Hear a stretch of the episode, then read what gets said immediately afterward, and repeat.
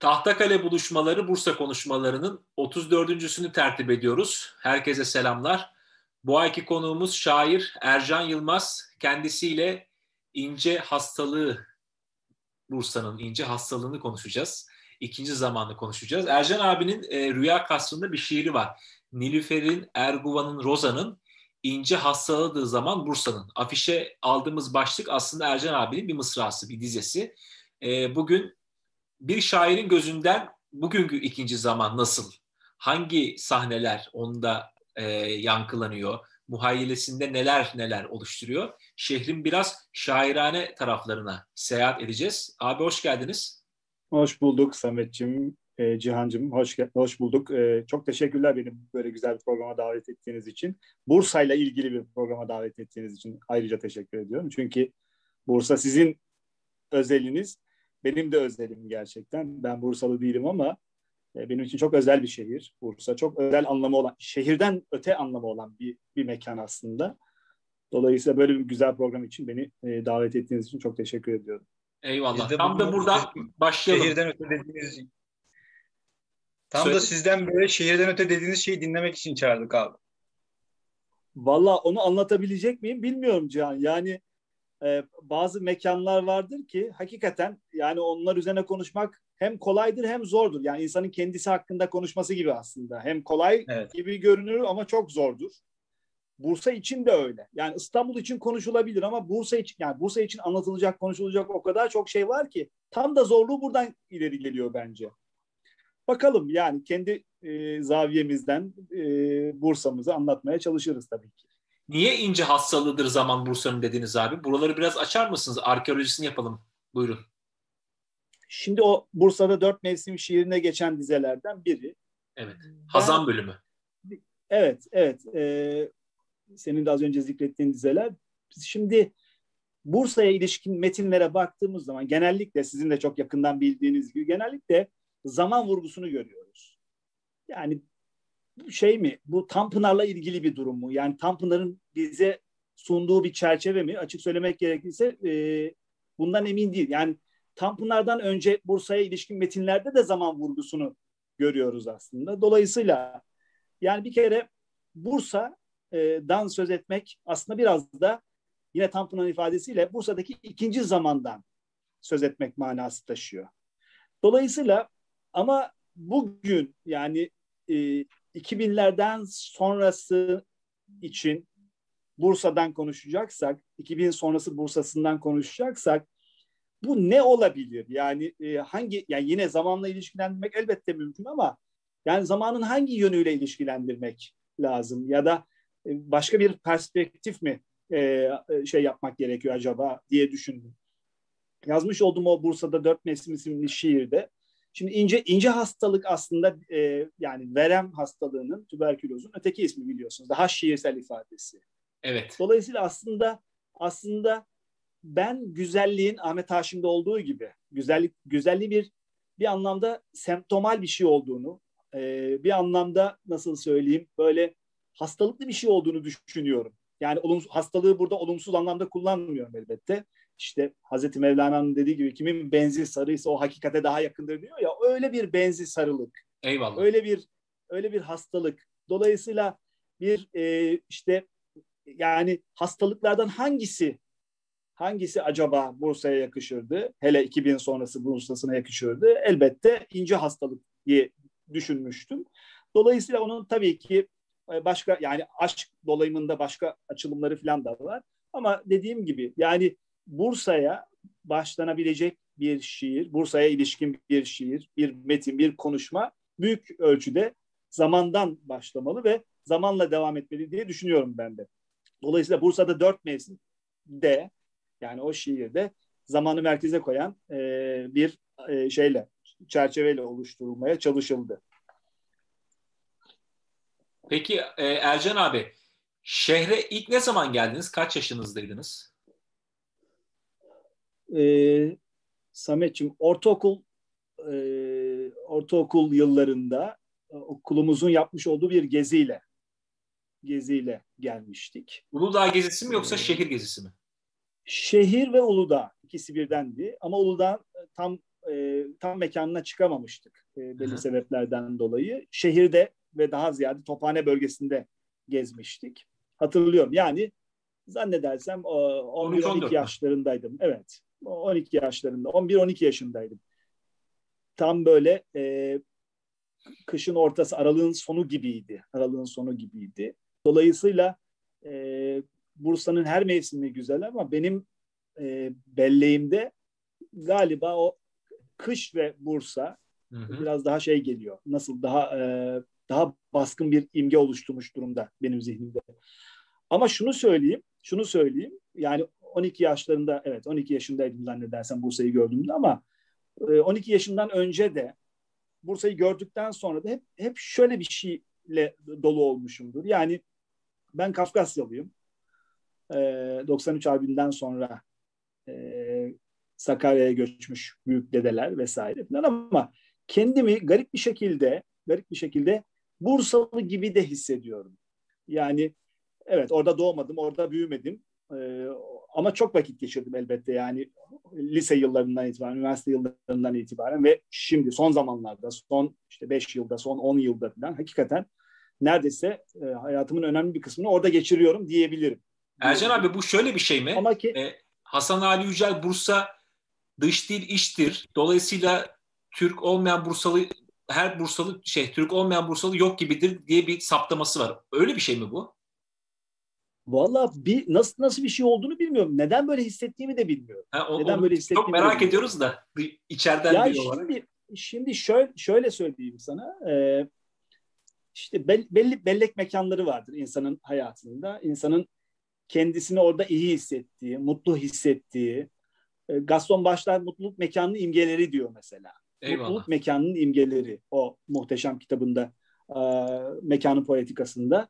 Ben hep mekanla mekanla o mekanın bana sunduğu imgelerle birlikte düşünüyorum Bursa'yı. Bir mekan evet zaman zaman ikinci bir zaman Tanpınar'ın ifade ettiği gibi ama bunun yanında bir de mekan var. Şimdi bizim bir gördüğümüz mekan var.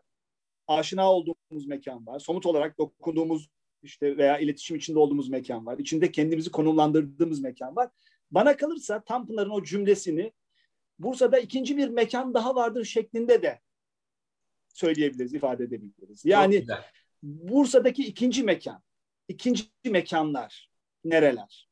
İşte bu biraz da Rilke'nin ifadesiyle zamanın ara odaları gibi bir şey aslında. Hı hı. Yani biraz soyut, biraz somut diyebileceğimiz e, garip bir şey o. Yani onu ona herkes nüfuz edemiyor diye. Yani ben nüfuz ediyorum demiyorum ama onun peşindeyim daha ziyade. Şimdi şöyle söyleyeyim yani son zamanlarda en çok Bursa'ya ilişkin duyduğumuz serzenişlerden biri nedir? Eski Bursa'nın yerinde yerler esiyor. Evet. Bir zamanlar Bursa'ydı. Evet, çok haklılar. Safiyeddin Bey'in öyle bir kitabı var biliyorsun. Ee, tabii, tabii. Çok güzel bir kitap. Bir zamanlar Bursa'ydı. Evet. Ama ben ben samimi olarak şunu düşünüyorum. Samimi olarak.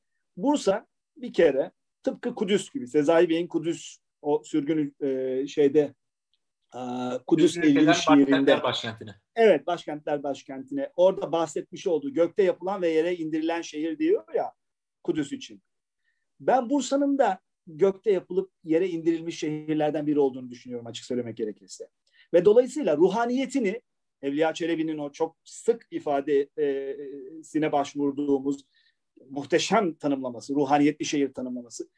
O ruhaniyetini ben kıyamete kadar sürdüreceğini düşünüyorum her ne kadar bir takım şeyler e, şey e, bozulsa, değişse, dönüşse de Bursa'da o ruhaniyet bence sonsuza dek yani sonsuza dek yani kıyamete dek devam edecek. Tıpkı Kudüs'te olduğu gibi. Hmm. Tıpkı İstanbul'da olduğu gibi.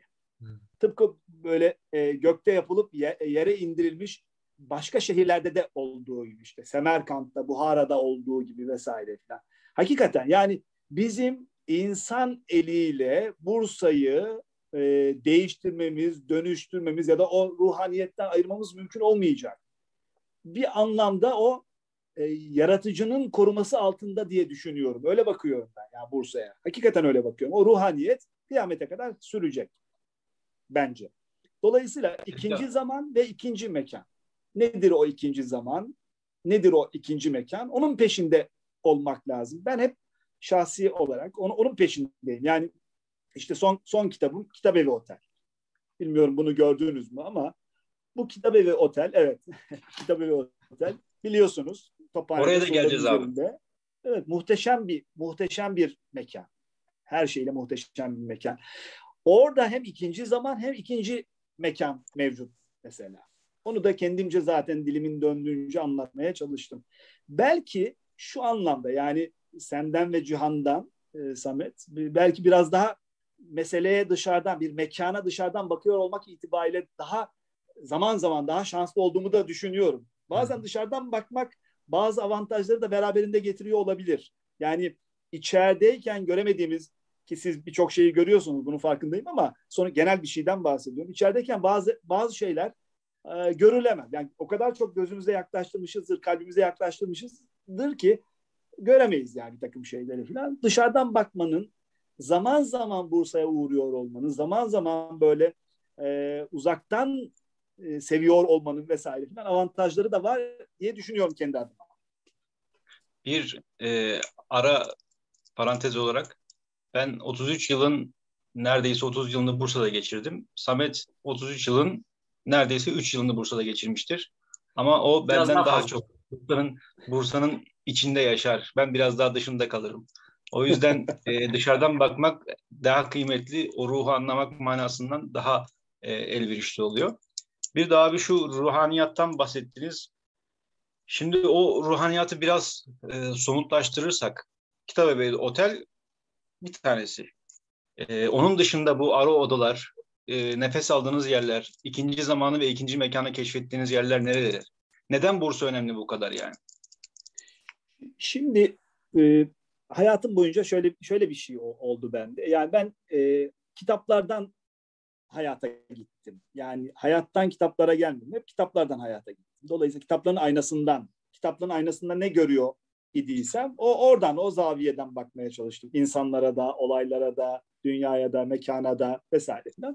Dolayısıyla benim tam e, şeye ilişkin, Bursa'ya ilişkin izlenimlerim ya da işte duygularımı e, köpürten şeyler ya da işte onları açığa çıkaran ya da işte onları pekiştiren diyelim e, hep kitaplar oldu. Yani başta Tanpınar olmak üzere onu söyleyeyim. Yani ta, yani çok konuşulmuştur belki ama Tanpınar'ın beş şehirdeki metni yani o evet beş şehrin beşi de çok güzel anlatıyor ama Bursa'nın yerinin çok farklı olduğunu hissediyorsunuz, görüyorsunuz orada. Çok özel anlatılmış. Ya Bursa'da Hülya Saatleri diyor bir kere. Bir kere Ercan abi. Hülya Saatleri. Efendim? Kitabın içindeki pasajlara baktığımızda İstanbul, Konya, Ankara, Erzurum, Bursa'da zaman. Evet, evet. Değil mi? Öyle. Tabii. İsimlendirme de bir şey. E, ön, Tabii Bursa'da ön Hülya çıkıyor. Saatleri, Bursa'da zaman filan. Yani şey e, Bursa çok özel bir yere sahip Tanpınar'da ve Tanpınar'ın beş şehrindeki Bursa metni, Bursa bölümü yani e, Türkçenin zirvelerinden bir kere onu söyleyeyim yani. Muhteşem. Muhteşem. Bir kere onu okuyup da Bursa'ya muhabbet duymamak mümkün değil. Harika. O kadar güzel tespitler var ki, o kadar güzel ifadeler var ki. Bakın e, şey yıllarında almışım. E, lise yıllarında, Milli Eğitim klasiklerinden. Dergahtan çıkmadan evvel. Aha. Oradan okumuştum ilk. Falan. Oradan bazı bazı notlar falan da var. Şimdi bir kere benim e, Yahya Kemal'de çok rastladığımız bir metafor var. Saltanat metaforu. O muhteşem şiiri Erenköy'ünde Bahar da sandım ki güzelliğin cihanda bir saltanatın güzelliğiydi dizelerini hatırlayalım. Saltanatı bir estetik kuramının merkezine yerleştiriyor. Yani saltanatı siyasi işlevinden uzaklaştırıp onu bir estetik ideolojisi haline getiriyor tabiri caizse. Tam Pınar Yahya Kemal'in bu saltanat metaforunu düz yazılarında sürdüren bir insan bir kere. Şimdi şunu söylüyor e, bir yerde. E, en iyisi budur diyorum. Eşyayı bırakmalı güzelliğinin saltanatını içimizde kursun. Eşyayı bırakmalı güzelliğinin saltanatını içimizde kursun. Tanpınar, Tanpınar saltanat metaforuna, saltanatın estetiğe yapmış olduğu e, gönderme dolayımında Yahya Kemal'in bıraktığı yerden devam ediyor. Şimdi e, hemen o giriş bölümünde şimdiye kadar gördüğüm şehirler içinde Bursa kadar muayyen bir devrim malı olan bir başkasını hatırlamıyorum. Muhteşem bir giriş. Sonra işte e, devam ediyor. Evliya Çelebi'ye getiriyor meseleyi. Ruhaniyetli bir şehirdir der. Ben sonra e, Keçeci Fuat Paşa'nın Osmanlı tarihin divacesi ifadesini tekrarlıyor. Sonra e, bu şehirde muayyen bir çağa ait olmak keyfiyeti o kadar kuvvetlidir ki insan Bursa'da ikinci bir zaman daha vardır diye düşünebilir. Evet. Tanpınar düşünüyor. Tanpınar gibi meseleye bakanlar da düşünüyor ve görüyorlar zaten. İkinci zamanın içinde yaşıyorlar daha ziyade zaten. Sonra sonra Tanpınar'ın o e, muhteşem metni Antalyalı genç kıza mektupta söylediği bir şey var. İşte e, Antalya'da e, e, mandalina, portakal bahçeleri içerisine geçerken hülya adamı olduğundan bahsediyor. Bursa'nın en büyük özelliği, Bursa'nın en büyük özelliği o e, Can'ın az önce sormuş olduğu bazı bellek mekanlarında, o saltanatlı mekanlarda, hı hı. Yeşil'de, Yeşil Cami'de, Yeşil Türbe'de, Emir Sultan'da, Muradiye'de, Tophane'de, işte Ulu Cami, Kapalı Çarşı, Tahtakale, işte buralarda, bu, buralarda dolaşan bir insanın çocukluğunu, ilk gençliğini geçiren bir insanın bir hülya adamı olmaması mümkün değil bir kere. Mümkün değil yani. Bizim ilk bu gençliğimiz bu saydığınız yerlerde geçti abi. Nasıl görünüyoruz dışarıdan? Evet. Yani bence ikiniz de hülya adamısınız. İkiniz de. Tanpınar'ın kastettiği manada hülya adamısınız. Meseleye biz e, Octavio Paz gibi bakıyoruz aslında. Tanpınar'la ilişkilendirerek söyleyecek olursam Octavio Paz şöyle söylüyordu. E, benim düşüncelerim yoktur, imgelerim vardır. Benim Güzel. de öyle. Benim düşüncelerim yok. Ben imgelerle bakıyorum. Yani Bursa'ya ilişkin düşüncelerimden ziyade Bursa'ya ilişkin imgelerim var. İşte Yeşil'e ilişkin imgeler var. Muradiye'ye ilişkin imgeler var. Ulu Cami'ye ilişkin veya e, Orhan Camii'ne ilişkin imgeler var. Efendim Mevlid'e ilişkin imgeler var. Ya da Tophane'ye ilişkin imgeler var. Yani bazı imgeler var ki onların toplamı Bursa yapıyor zaten. İşte üst başlıkta Hülya. Gerçekten Bursa'da dolaşıp da bu söylediğim bellek mekanlarında, saltanatlı mekanlarında mekanlarda dolaşıp da arkadaşlar hülya adamı olmamanın imkanı yok. Ben kendi adıma söylüyorum. E, beni hülya adamı yapan biraz da zaten Bursa'nın bu mekanlarıdır. Öyle de söyleyeyim. Sonra devam ediyor zaten birçok yerde devam ediyor. Tanpınar o kadar güzel ifadeler var ki, o kadar güzel tespitler söz konusu ki. Mesela Erguvan Bayramı'ndan bahsediyor. Şimdi şimdi şimdi bütün dünyanın e, Sakura'yı takip ettiğini, e, o Kiraz Çiçeği Festivali'ni takip ettiğini biliyoruz şeyde. Efendim, e, Japonya'da. Evet. Muhteşem. Doğa, insan doğa ilişkisi ve dolayısıyla ortaya muhteşem bir festival çıkıyor. Yüzyıllardır devam eden bir festivalden bahsediyoruz. Yani Japonya'ya kimliğini veren hususiyetlerden bir tanesi, bayramlardan, festivallerden bir tanesi. İnsan doğa ilişkisinin oluşturduğu ve ona başka metafizik özelliklerin de ruh, e, ruhaniyetli şehrin başka özelliklerini de katılarak ortaya çıkarmış olduğu bir bayram var Bursa'da. Emir Sultan kaynaklı Erguvan Bayramı var. Erguvan Bayramı. Yani biz bugün Erguvan dediğimiz zaman aklımıza hemen evet İstanbul geliyor haklı olarak. Boğaziçi geliyor. Tamam güzel ama İstanbul'da hiçbir zaman e, bir Erguvan Bayramı olmamış mesela. Ama Bursa'da Emir Sultan'dan itibaren bir Erguvan Bayramı var. Tanpınar anlatıyor. Tanpınar anlatıyor. Muhteşem bir şey bu. Bu muhteşem bir çok e, yani nasıl söyleyeyim e, çok ayırt edici bir vasfı bence. E, bu Bursa'nın estetiğinin, Bursa'nın ruhaniyetinin göstergelerinden bir tanesi. Kimliğinin parçalarından bir tanesi Erguvan. Bugün Erguvan Bursa'nın neresinde? O kimliğinin parçası mı? Ayrı mesele ama Bursa belleğinin bir parçası. Bursa belleğinde çok önemli bir yere sahip. Ercan abi bizim iklimde gülden sonra bayramı yapılacak çiçektir diye anıyor evet, yanılmıyorsam. Öyle söylüyor. Öyle söylüyor. Ee, Emir Sultan'a yani Emir Sultan'a ve onun müritlerinin e, işte network'üne evet. göre e, dizayn evet. ediyor bu bayramı. Tasarlıyor Tanpınar Beşşehir'de. Emir evet. Sultan da az önce söylediğiniz aslında Erguvan İstanbullu ve Boğaziçi'li bir renk, bir tarz, evet, bir tavır. Evet. O da işte hani hatta daha evvelden Bizans Hristiyanlık, Hazreti İsa falan evet, evet, evet. oralara gidiyor. Evet. Oralara gidiyor. Emir Sultan bunu Türkleştirerek aslında kültürel bir rövanş almış oluyor İstanbul'da. E tabii yani bu bu muhteşem bir şey yani. Muhteşem. Birçok açıdan değerlendirilebilecek bir şeydir bu. Evet. Eğer bir imtidat, süreklilik, devamlılık söz konusu olacaksa ki Tanpınar çok vurgu yapıyor e, sürekliliği biliyorsun. Yahya Kemal'den hareketle. Yahya Kemal'in e, kökü mazide olan ati meselesi. Değişerek devam etmek, devam ederek değişmek. İşte Bergson'un vurgu yapmış olduğu düre felsefesi filan. Şimdi o süreklilik, o lirik imtidadın devamı ancak işte bu Erguvan Bayramı'nın bugün de Erguvan e, Festivali demeyelim, bayramı ya da şenliği diyelim.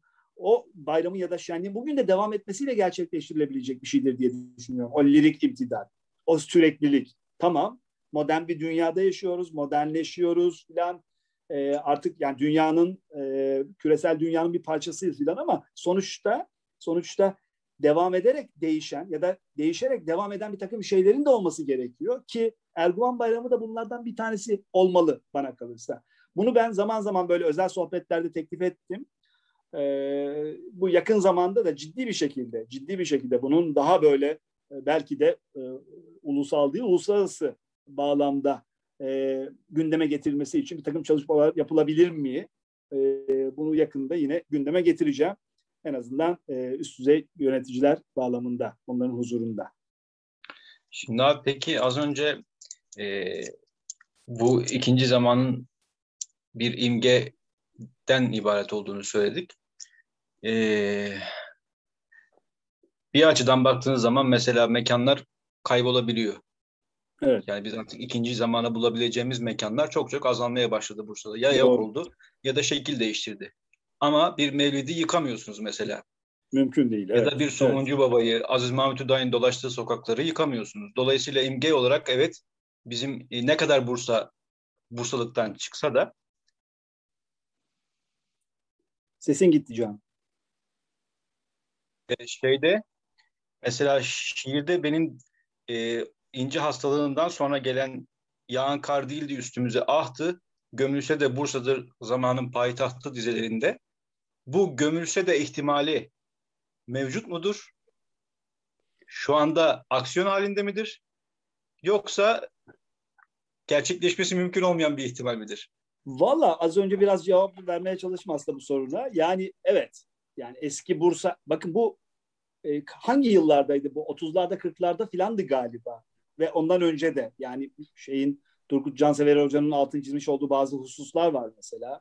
Başka mi, mimarların da. Bundan 50-60 sene önce, 70 sene önce, 80 sene önce dünyada iki şehirden bahsediliyor. Bir tanesi Bursa. Bursa. Ya şimdi Samet bu tüyleri diken diken eden bir şey yani. Tabii tabii. Tabii. Dünyada iki şehir vardır diyor. Floransa ki gerçekten dünyanın sanat başkentlerinden biri ve Bursa. Yani şimdi o eski Bursa'yı anlatan metinlere bakıyoruz. Fotoğraflara bakıyoruz, karpostallara bakıyoruz. Büyüklerimizden dinliyoruz. Eski metinlerde karşımıza çıkıyor filan. Şimdi o Bursa elimizde değil, önümüzde değil, gözümüzün önünde değil. Hiç şüphesiz. Evet. Ama ama bir şekilde bir şekilde o ruhaniyet devam edecek. Ediyor. Ne olursa olsun. Ne olursa olsun. E, gökte yapılan şehri yeryüzünde, yerde boz, insanın bozması mümkün değil. Yani bozması mümkün değil derken bir takım müdahaleleri, bir takım saldırıları elbette olacak. İnsan, insanız çünkü her yerde böyle. Maalesef Bursa'da son zamanlarda çok ayyuka çıktı. Çok böyle göze batar oldu bir takım e, şeyler. Onları şimdi zikretmek istemiyorum falan ama sonuç itibariyle Bursa'daki o ruhaniyet devam edecek. Gömülse de bir ihtimal değil aslında. Velev ki öyle bir şey olsa bile zamanın payitahtı, zamanın e, şeyi başkenti olarak varlığını sürdürmeye devam edecek. Zamanla, ikinci zamanla anılmaya devam edecek Bursa. Hiç şüphesiz devam edecek. İna, yani Şimdi zamanın dili olsa ete kemiğe büründüm, Bursa diye göründüm der bence. Bence öyle evet. yani. Hakikaten garip yani hep sorguladığım şey şu. Acaba okuduğum metinlerden kaynaklı mı? Yani Bursa'yı hep zamanla ilişkilendirmek, zaman zamanın ara odalarında ya da işte ikinci zamanda aramak Bursa'yı, orada yaşamaya çalışmak falan. Ama galiba garip bir şekilde e, gerçekten Bursa'yla muaşakası olan, hemhal olmak isteyen, hasbihal etmek isteyen herkese zaman yönüyle görünüyor Bursa. Zaman suretinde görünüyor gibi geliyor bana. Bu garip bir şey yani. Çok garip bir şey. Peki abi kitap evi otel e, kitabını yazmak, bir otelin kitabını yazmak nereden aklınıza geldi? Nasıl çıktı ortaya? Şimdi bu işe sık sık e, Bursa'ya geldiğim zamanlarda mutlaka yani biliyorsunuz önce e, şehrin büyükleri ziyaret edilir falan. Ondan sonra da işte e, belli mekanlar gezilir. O bellek mekanları tabiri caizse o saltanatlı mekanlar, o muhteşem mekanlar geziliyor ve daha ziyade işte e, Tophane civarında, kale içi falan. Şimdi e, benim gezdiğim zamanlarda böyle değildi. Son zamanlarda biraz daha böyle ne diyelim mamur hale geldi. Biraz daha e, güzelleştirildi. Eleştirilebilir bir takım restorasyonlar vesaire falan Türkiye'de restorasyon konusunda e, ciddi sıkıntılar var. Neyse. Orada bir tabelaya rastlamıştım. Kitap evi diye bir tabela rastlamıştım. Yani orayı bulamadım ama yani çok aradım bulamadım falan. Şeye denk gelmiş galiba. Daha evvelden kitap evi olan bir mekan kapanmış. Daha sonra otele dönüştürülmüş işte şimdiki kitap evi otel. Daha evvelden orası kitap eviymiş. Cihan, bilmiyorum siz gitti Samet biliyor musunuz? Gittiniz evet, öyleymiş. mi oraya? Evet evet evet abi. Orada çok ilginç bir şekilde Dilek Hanım Dilek Hanım e, orayı böyle onun macerasını Peki. anlattı e, sahibesi mekanın. E, çok değerli bir hanımefendi. Oranın macerasını anlattı. Nereden aldığını, nasıl aldığını, onu orayı nasıl dönüştürdüğünü ve kitabevi haline getirdiğini ve e, mesela Enis Baturlu yıllarda Yapı Kredi Kültür Merkezi'nde neler yapılıyor idiyse o, o sanat etkinliklerinin, sergilerinin vesaire falan önemli bir kısmı kitap evinde de, Bursa Kitap Evi'nde de yapılıyormuş. Yani e, Yapı Kredi Kültür Merkezi ile e, ortak bir şekilde ya da işte onların e, şeyiyle, desteklemesiyle öyle söyleyeyim. E, ben o şeyleri gördüm yani ar, arşivini gösterdi e, Dilek Hanım. Gerçekten muhteşem şeyler yapılmış. Bursa'nın kültürel hafızası aslında bir anlamda. Birçok aslında bugün yapılan şeylerin de temeli o zamanlarda atılmış. E, çok e, ince bir hanımefendi ve gerçekten çok zevkli bir hanımefendi. Ve dolayısıyla sonra e, kitap evinin misyonunu tamamladığını düşündükten sonra da bir otele dönüştürmüş orayı, o mekanı. Otele dönüştürmüş. E, ama ya ben şimdi bir oteller kitabı yazdım. Çok otelde kaldım. Yani otellere karşı ayrı bir ilgim var. E, benim gördüğüm oteller içerisinde en incelikli olanlarından, en zarif olanlarından, en kişilikli, işte o ikinci zamanı ve ikinci mekanı e, içeren e, mekanlardan. O tabiri caizse Gaston Başlar'ın o mutluluk mekanının imgeleri dediği imgeleri taşıyan bir mekan. Zaten Gaston Başlar üzerine kurmaya çalıştım ben de kitap evi oteli. Her gittiğimde Cihan, Bursa'ya her gidişimde orada oturdum, orada soluklandım, orada kahvemi içtim, orada dostlarla buluştum filan. Sonra sonra e, Avrupa'da çok örnekleri var. Bir takım mekanların hikayelerinin kitaplaşması söz konusu. Yani e, çok bina kitabı vardır mesela. E, teknik olarak bina kitapları da var ama şey olarak da yani böyle bir edebi tat taşıyan, deneme tadı taşıyan kitaplar da var. Bir mekanın kitabını yazmak. Neden buranın kitabını yazmayayım diye düşündüm ve kitabın özelliği şu bütün metinler o kitaptaki zaten ince bir kitap, yani küçük hacimli bir kitap. Buradaki bütün e, cümleler e, şeyde yazıldı. Kitabı Otel'in bahçesinde yazıldı. Zaman zaman kaldım odalarında yazıldı. Zaman zaman bahçesinde yazıldı. Bittikten sonra ben ancak Dilek Hanım'a kitabın yayınlanıp yayınlanamayacağı hususunda e, görüşünü sordum. Yani istemeseydi kitap gene bir şekilde yayınlanacaktı ama bu kadar bir mekanı işaret eder bağlamda olmayacaktı açık söylemek gerekirse. Dolayısıyla e, yani bu kadar kitabım içerisinde en en çok keyif aldığım, yazarken keyif aldığım, bir okur olarak baktığım zaman keyif aldığım ve gerçekten okuyanlara keyif vereceğini düşündüğüm, o mekanda okunduğu zaman daha anlamlı olabileceğini düşündüğüm kitaplardan kita, e, kitap oldu, Kitap Evi Otel. Dolayısıyla o kitabevi otelin duygusu hala devam ediyor bende. İşte önümüzdeki hafta bir Tanpınar Sempozyumu olacak. Orada olacağım yine. Kitabevi Otel'de dostlarla oturacağız, kahvemizi içeceğiz filan. En son e, orada mesela Mustafa Kara Hoca'yla, Hilmi Hoca'yla, Hilmi Yavuz Hoca'yla ve e, diğer dostlarımızla işte Ali Utku'yla, felsefeci Ali Utku abimizle filan böyle geniş bir grupla orada çok güzel bir sohbetimiz olmuştu. Dolayısıyla hakikaten e, şunu da gördüm ama Bursalı olup da kitabe ve oteli bilmeyen çok insan var. Ee, Ercan abi Bursalılar Bursa'yı bilmezler abi. Genelde öyledir. Tra- ben Trabzon'da da çok bulundum Samet. Trabzon'da Eyvallah. olup da Trabzon olup da Sümela Manastırı'nı görmeyen çok insan vardı mesela. Eyvallah. Evet. Ercan abi müsaadenizle. Ol mahilerdir, ol mahiler ki derya işledir, deryayı bilmezler diyor ya.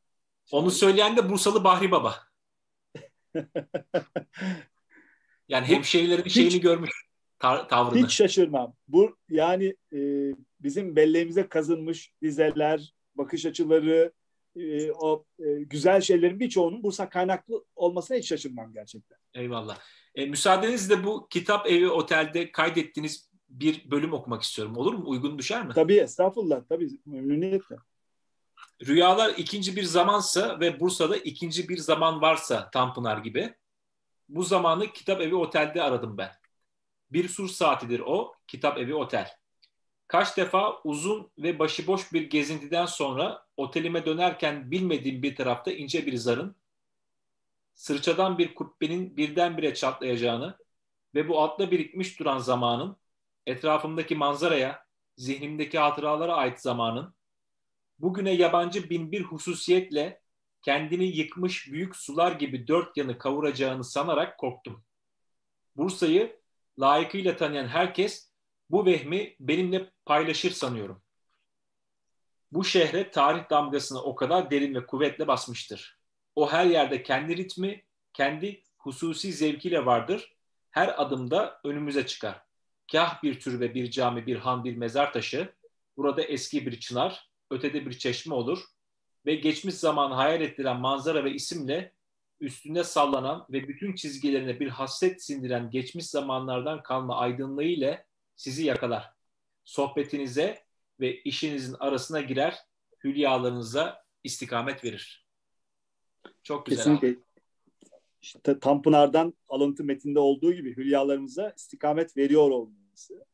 Yani, yani çok az şehir hülyalara e, istikamet verir. İşte o şehirlerin başında bence e, Bursa geliyor. Bursa'yı ikinci zamanla ve ikinci mekanla e, andığımız kadar, zikrettiğimiz kadar hülya meselesiyle de zikretmemiz gerekiyor. Ben gerçekten yani ilk gençliğinde ya da çocukluğunda e, Bursa'yla aşina olan birinin hülya adamı e, olmama ihtimali yoktur diye düşünüyorum. Yani çok çok açık söyleyeyim gerçekten. Eyvallah. Tabii bir de şey gibi Samet yani bir e, şey gibi e, nasıl söyleyeyim flanör gibi de dolaşmak durumu söz konusu. Tabii ki tabii ki. Bence yani. çok önemli bir durum o. Flanör gibi dolaşmak. Amatör yani bir sosyal bakışlarla estetize etmek. Tanpınar'ın yaptığı gibi, Yahya Kemal'in yaptığı gibi bakışlarla estetize etmek. Bu, bunun bilgisini vermek lazım. Ya da bu, bu tecrübeyi yaşatmak lazım gençlere falan. Ya biz ben açık söyleyeyim bilmiyorum. Bursa'daki okullarda bir Bursa dersi, şehir dersi var mı yani? İstanbul'da bazı okullarda, üniversitelerde falan e, İstanbul dersi son zamanlarda koymaya başladılar ya. Bursa'da bir Bursa dersi var mı diye e, merak ediyorum açık söylemek gerekirse. Bence bence e, ortaokuldan, liseden itibaren e, Bursa dersi olmalı. Seçmeli de olsa bir Bursa dersi olmalı ve e, Bursa Bursa'yla Bursa'yla gençler ilk genç ilk gençliğini yaşayan e, arkadaşlarımız tanıştırılmalı diye düşünüyorum. Sonradan olmuyor çünkü. Sonradan hele e, belli bir yaştan 20'li yaşlardan sonra filan e, bir şehre dönmek, bir şehre muhabbet duymak, bir şey, şehirle ünsiyet kurmak filan çok zor oluyor gerçekten. Çekirdekten e, hülyalı bireyler yetiştirmek lazım diye düşünüyorum. Eyvallah. Ercan abi yavaş yavaş programın sonuna geliyoruz. Bursa'ya dair, ikinci zamana dair son sözlerinizi alsak neler söylersiniz? Şimdi bir, birkaç kitap söyleyeyim. Bu Lütfen. bilmiyorum gördünüz mü? Cumhuriyet'ten günümüzde Bursa şiirleri var. Bursa evet. şiirleri. Bu evet. e, Nilüfer Belediyesi'nin basmış olduğu çok bakın mevcut. Hiç şüphesiz gözden kaçanlar da var. Yani bunlar düşünsenize yani Bursa ile ilgili yazılmış metinler, şiirler falan. Yani Bursa'nın biz genellikle merkezine odaklandık ama yani Mudanya'sı var, Gemliği var, efendim İzniği var. var, işte İzniği var ki İznik başlı başına başka bir e, şey zaten. Ya o e, Bursa'daki zamanın içinde, ikinci zamanın içinde de başka bir zamanı işaret ediyor aslında. Başka bir mekanı işaret ediyor. Yani katman katman hakikaten bambaşka bambaşka bir zaviye, bambaşka bir muhabbet konusu Ee, herhalde çok yakından biliyorsunuz. İsmet Tokgöz'ün Bursa Yazıları isimli kitabı e, Kırmızı Kedi yayınlarından çıkmış. Burada e, e, muhtemelen e, Tahtakale sohbetleri burada kendi Tahtakalesini anlatmış olduğu bölüm de var. Çok güzel bir bölüm. O. Evet bizim için de çok güzel bir programdı. Ee, evet. E, bu Cemal Süreyya'nın Emir Sultan için yazdığı dizeleri mırıldanırdım yürürken diyor. Bursa'da otlar ağaçlar arasında kim yazdı günün aydınlığın o diri insan yüzlü beratını başka kim yazdı Emir Sultan'dan. Çok güzel dizeler. Bu şimdi bu kitapta görünce bu dizeler Cemal Süreyya'da toplu şiirlerinde mutlaka okumuşuzdur ama daha da anlamlı oldu. Yani Cemal Süreyya'nın da tıpkı diğer başka şairler gibi aslında Bursa üzerine bir şeyler söylemesi, e, bazı dizeler düşürmesi falan çok kıymetli gerçekten. Bu kitap e, hacimce çok küçük ama çok kıymetli bir kitap bence. Bu arada şunu da söylemek lazım.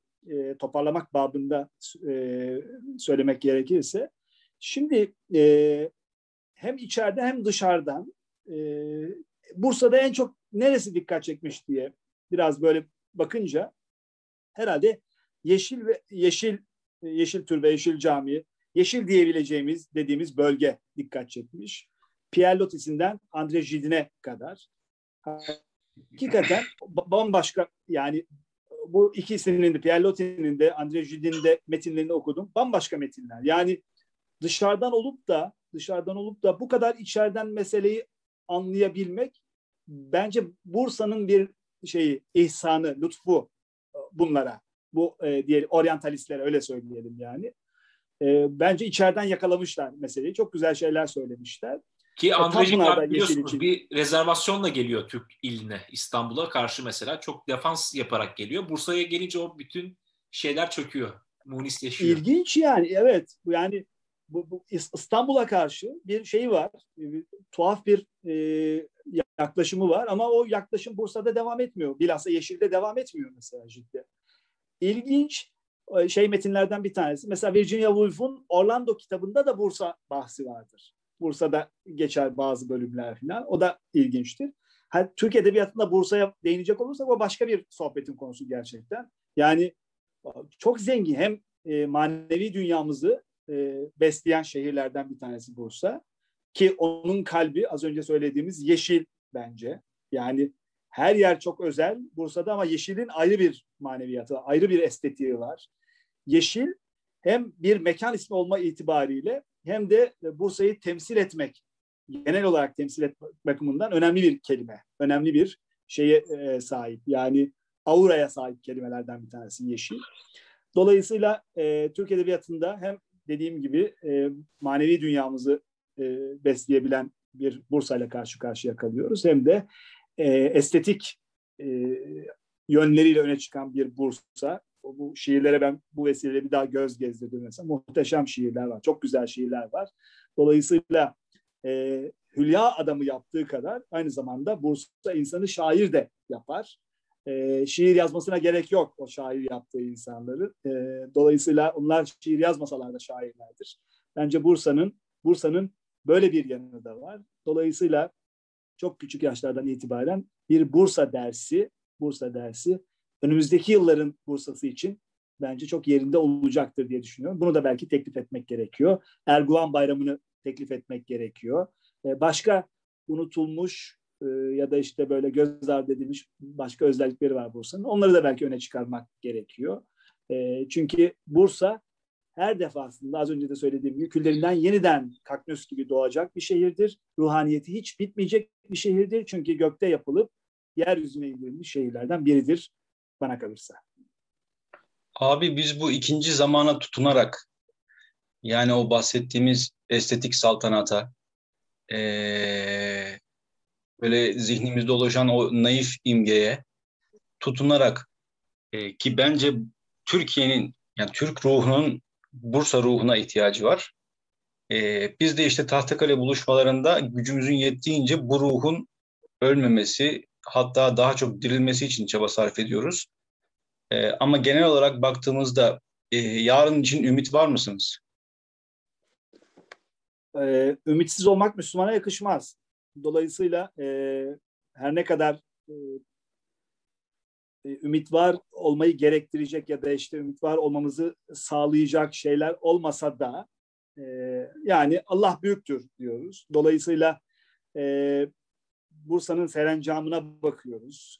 Başka şehirlerin serencamına, sergüzeştiğine bakıyoruz. Yani dolayısıyla ben o ruhaniyetin, ruhaniyetin hep altını çizdiğim gibi Allah tarafından devam ettirileceğini düşünüyorum. Onun himayesinde olduğunu düşünüyorum. Dolayısıyla böyle şehirler, bu ruhaniyetin devam ettiği şehirler, devam edeceği şehirler Allah tarafından muhafaza altındadır ve hiçbir zaman şey yapmayacaktır. Yani bizim o e, evet belki dinleyenler şöyle de düşünüyor. Daha ne kadar e, gömül, gömülebilecek bir şehir? Daha ne kadar ölür bir şehir, yok edilir bir şehir, yıkılır bir şehir diye düşünecektir ama sonuç itibariyle sonuç itibariyle dünya dünya cemal ve celal dünyası.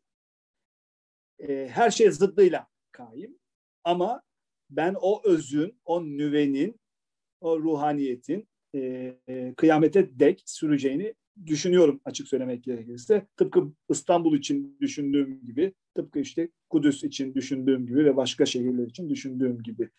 Yani çok e, ümitsiz değilim açık söylemek gerekirse. Çünkü zaten bu program bile sizlerin genç genç arkadaşlarımız, genç kardeşlerimiz olarak sizlerin bu gayretleri bile ümitli olmamız, mutlu olmamız için bir vesile diye düşünüyorum. Zaten belki de birinci zaman bu kadar çürümeseydi ikinci zamanın kıymeti bu kadar anlaşılmazdı herhalde. Anlaşılmayacaktı. Doğru, doğru. Çok güzel bir nokta. Dolayısıyla o ikinci zamandan biz bu sefer birinci zamanı da diriltmek için elimizden geleni yapacağız inşallah. E, Ercan abi son olarak şunu soracağım. Bursa'da zaman haricinde e, şehre yazılmış en güzel şiir hangisidir sizce? Valla ben burada bazı şiirleri işaretledim aslında. Yani ben ben Bursa'da dört mevsim şiirini Bursa'da zaman ve Hilmi Hoca'nın Bursa ve zaman şiirleri evet. üzerine inşa etmiştim. Yani o evet. iki şiiri zemine koymuştum. Onun üzerine onların bir imtidadı olsun diye, devamı olsun diye e, şey yapmıştım, e, düşünmüştüm, kurgulamıştım.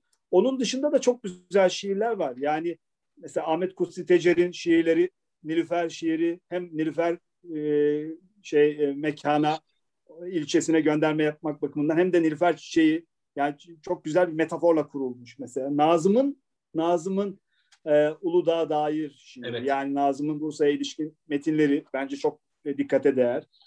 Ceyhun Atıf Kansu'dan Bursa Bıçağı Gençliği var mesela. Hepimizi ilgilendirdiği için, daha ziyade sizi ilgilendirdiği için söyleyeyim ben. Son bölümünü okuyayım isterseniz. Lütfen.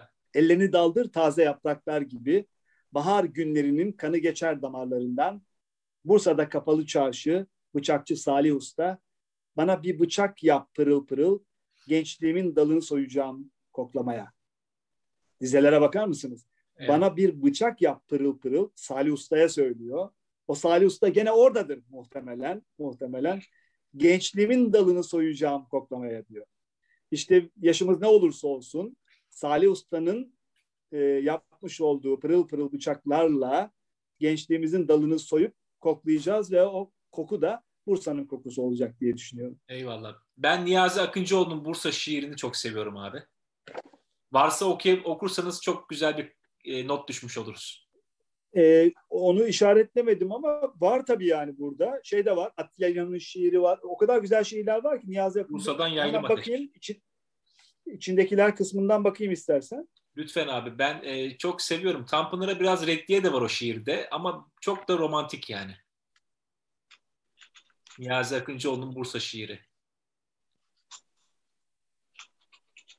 Onunla bitirebiliriz. Gerçekten. Ercan abi. E, Gülten Akın'dan e, efendim Necati Cumalı'ya kadar öyle çok geniş bir çerçevede e, e, şairler çok güzel şiirler yazmışlar Bursa'ya. Bursa yazdırmış, kendi şiirini yazdırmış daha doğrusu öyle söyleyelim. E, buldum. buldum hemen. Ee, Bursa şiirin ismi. Adını evet. ilk defa Yedi Bela Rasim'in hançerinde okudum. Çocuktum. Çatal geyik boynuzu kabzasında ilk Bursalı'yı tanıdım. Bıçakçı Remzi yazıyordu. Ve kıvrak söğüt yaprağı çeliğinde bir yara izi kazıl bir yara izi gibi kazılmıştı Bursa. Bilek olursa diyordu delikanlılar, nankör değildir Bursa hançerleri. Ha demeye gör, dönmez geri. Ülfetim böyle oldu, metini böyle duydum. Sonra büyüdüm, kartpostallarda resmini gördüm. Gök mavi, zemin yeşildi. Bir başka resimde beş kurnalı şadırvan, şadırvanın, şadırvan başında beş adam, yeşil başlı ördekler gibi beş yeşil sarıklı Bursalı abdest alırken mürtesimdi. Ve gök yine mavi, zemin yeşildi. Nihayet devran yolumu Bursa'ya düşürdü. Üç aziz bahar, bütün mevsimler dahil, üç uzun yıl Bursa'dan gayri cümle dünyada beni namevcut okudular. Ve ben mektebinde okudum. Bir rivayete göre adam oldum, bir rivayete göre kayboldum. İkisi de aynı kapıya çıkar. Mesele değil. Mesele şu ki Bursa iyi, Bursa güzel. Bursa için destan yazılır. Bursa için iğneyle kuyu kazılır. Fakat yalan Bursa'da zaman. Billur bir avize gibi değil. Değil ama bir ölmemek arzusu veriyor adama. Dünyayı bırakıp gitme hasreti. Yaşamak hasleti, dünya sevgisi. Yeşil yeşil yeşeriyor, mavi mavi gülüyor ve sonra yeşilin türbelerinden daha çok yatsı üstleri yıldızlı gecelerde bir aksi cevap yükseliyor perde perde. Zamanı evail kokuyor burcu burcu. Yaprak yaprak dökülüyor. imkansızlığı ve nimet bolluğu. Korkunçtur bu saatte ezan sesleri. Allah'la konuşur müezzinleri. Karşılıklı sala verilir. Bu saatte Bursa'dan iki eli kanda olan insan, koltuk değneklerini unutan, dost elini kaybeden ama ve herkes kaçıp gitmelidir. Her şeye rağmen dünyayı dünyayı bilmelidir. Bursa iyi, Bursa güzel. Eminim ki ben Basubadel Mevt orada olurdu. Yalan yazmasa kitap, yıkılmasaydı mı? Yıkılmasaydı mihrap. Hakikaten Abi, çok güzel, çok bir, güzel bir şiir gerçekten. Bu. Evet, çok evet. güzel bir şiir. Ben bayılıyorum. Senin vesilenle bunu da okumuş oldum, öğrenmiş oldum. Bunu daha evvel okumamıştım açık söylemek gerekirse. Çok güzel bir şiirmiş. Ee, rahmetle yad edelim Niyazi. Eyvallah. Ercan abi iyi ki geldiniz. Çok güzel bir sohbet oldu. Tadı damağımızda kaldı desek yeridir. Evet, ben çok teşekkür ediyorum Samet'ciğim, e, Cihan'cığım. E, Allah e, bu güzel çalışmalarınızın devamını nasip etsin. Çok güzel şeyler yapıyorsunuz. E, Bursa adına. E, Bursa'nın da himmeti e, üzerinizde olsun. İnşallah bundan sonra yine e, başka platformlarda da yollarımız kesişir. Bursa adına birlikte de güzel şeyler yaparız inşallah. Bundan sonra. Eyvallah. Çok teşekkür ediyoruz. Yeni bir yayında görüşmek üzere. Herkese iyi akşamlar, sevgiler.